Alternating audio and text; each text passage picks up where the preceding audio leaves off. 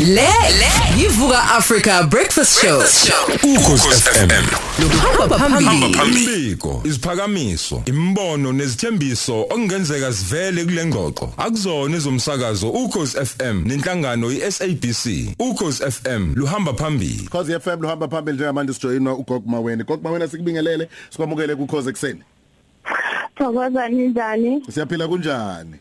Thank you for having me. Yeah, uya trend. Uyibonile kodwa. Hayi ngiyibonile ngempela. But the way ngibhizi ngakhona anginasikhathi ukuthi ngihlale efonini ngibhekane ngalezi zinto lezi. Wena. Ngiyasebenza oh ngiyasebenza. Ngiya- Eh njengoba Ubani olandelayo kule list nje. yabona ke Kune queue. No, eh sikhuluma ngezinto zokodlozi siza abantu abafuna usizo ngezinto zabo zedlozi.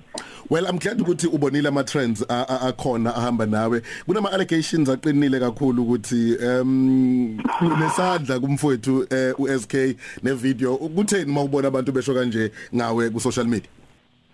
Uh, well, to be honest, I wasn't surprised because there was a post ebengiyipostile go January. Mm. And le post le bengithi if my kids don't eat, uh, none of my baby daddies will eat. Yeah. And posting that post, number one, I have two different baby daddies who are not doing anything for their kids. Usembiso kwayena nje ugcine bhatala maintenance last year. Mm. But I made it a point, as it was in January, ukuthi this year I'm doing things differently. Mm. I am not going to be chasing a, a an old man ukuthi awondle ingane yakhe. Sesiphele. We can't be doing the same thing. We need to grow up and move on. And what I did in in all honesty and I always talk about this ukuthi into mayukusinga mawubona ukuthi ingaphezulu kwakho.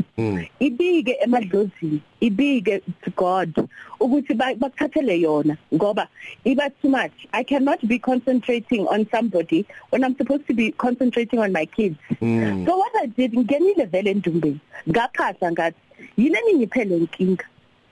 Njengoba iyinkinga and njengoba ngi ngi- ngi- ngi- ngiyenza izinto eziningi ukuthi ngenze umsebenzi wabantu abadala angeke mina ngizohlukumezwa or ngizo abantu bazodlala ngami bakhona ngoba ngibathembile impilo yami yedlozi and that's what I did And when I posted that, I seriously said I, I left it in the Ndumba and that's where I left it. I have never called him to say, upatala nini maintenance, uwenza ini. I've made peace with it. And that's what I did. So, ukuthi he's behaving the way he's behaving, yezakhe lezo, uyazi ukuthi why he's going through those things. Wow. Mhlawumbe still ku- ku- ku- ku- ku- kuleyo nto oyishoyo eh uthe babili owesibili udumile futhi naye naye uyagowisha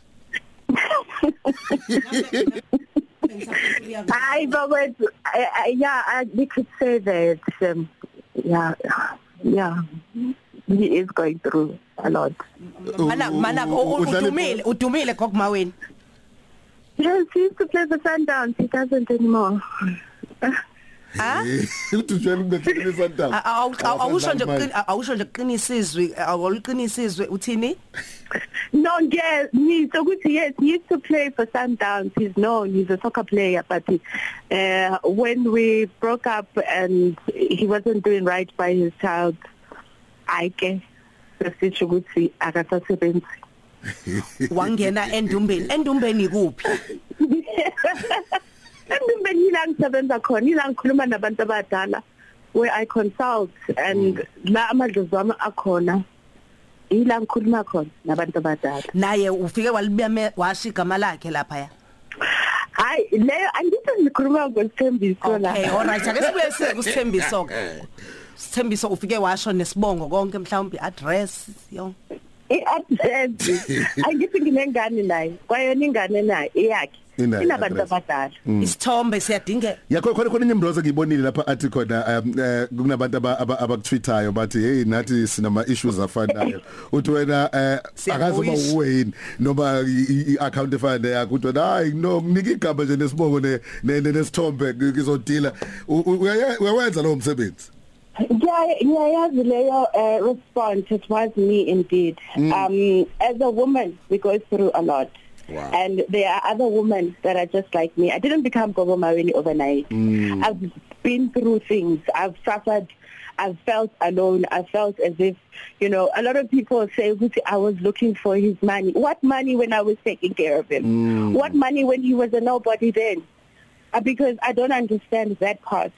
Okay. And as hard as I work, I'm, I'm trying to motivate other women and say, you know what, you're not alone in this. Mm. I've been through all of these things. I understand these things. I cannot now say, oh no, these problems are beyond me. They're not. Because I was once there.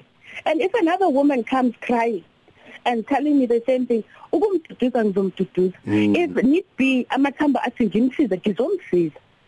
Okay. But ngisebenza ngani ngamadlozi. Bengifuna ukuchecka lokho ukuthi iya reverseka mawukuthi mhlawumbe ngazi kanjani uyayithoba kuqapha. I reverse I did not say I did anything.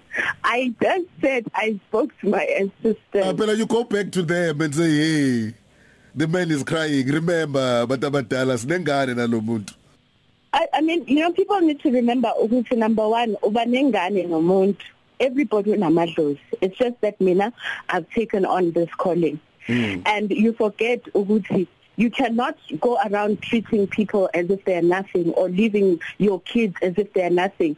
Banabantu abadala abakhonzile. I mean for instance my son unamadlozi wakhe. So mm. maybe what he needs to do is do the right thing. Bika ingane emadlozini. Lungisa izinto zakho zasekhaya. Hmm. zigeze wena.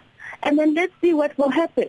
That is my advice to him as i've said if he was to say you know what i need help i will help him i don't hate him Mm. I really don't but I was just tired nami ukuthi I'm going through the same thing there's no growth And you can't live life like that, going through the same thing every day. Yeah. You can't.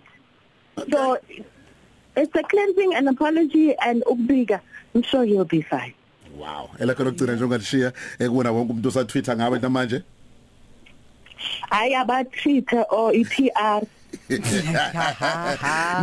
nebhizinisi liyeza ngibona iqueue yabantu abakudingayo yo abathitha you know you know i was saying mm. the phone has given so many people power yeah. people who don't know you mm. and to say so many things about you. And at first you know what these things bothered me but i'm not bothered. I'm unshaken. I am strong. Okay. And i've been through a lot. So They may call me a witch, they may call me whatever, but at the end of the day, you are talking upon things you do not know. Kwabona labantu abathwitha banenkinga zabo. And and kwabona kwabona usengabaceba kubantu abadala. We we we we. Hayi man man man. Oh guys bani. Nake xolisa umroza. Mani silahlekile asinankinga. Lokuhlalisekile. Kusho ukuthi awuyingeni indaba yokuyobika lapha einkantolo zokondliwa kwabantwana nani nani. Ubona ukuthi ithatha kude leyo. No, but that's where I started, Angit. I, I was not born a Sangoma. Dating him, I was not a Sangoma. He was actually one of the people that wanted me to embrace my calling because of the things I was going through. Mm. So hence I'm saying if he, if he, he wanted a helping hand, I'm, I would more than, I'd be more than happy to help him. He's the father of my child. Nothing ngiyambona esafuna ama LP. No, I'm married now. Pardon me. I am married to a wonderful, amazing man who is playing this father role. Wow. Okay. Like nobody. Gagmaweni, thank you so much ngesikhathi sakho ospersona kukhosi. Thank you so much. All right. Lelo khoze FM Gogmaweni lawo. Gogmaweni ke usebenza ke ngabantu abadala. Vuka nathi. Qala usuku lakho ne breakfast show ehamba phambili. Ukhosi FM. Lo hamba phambili.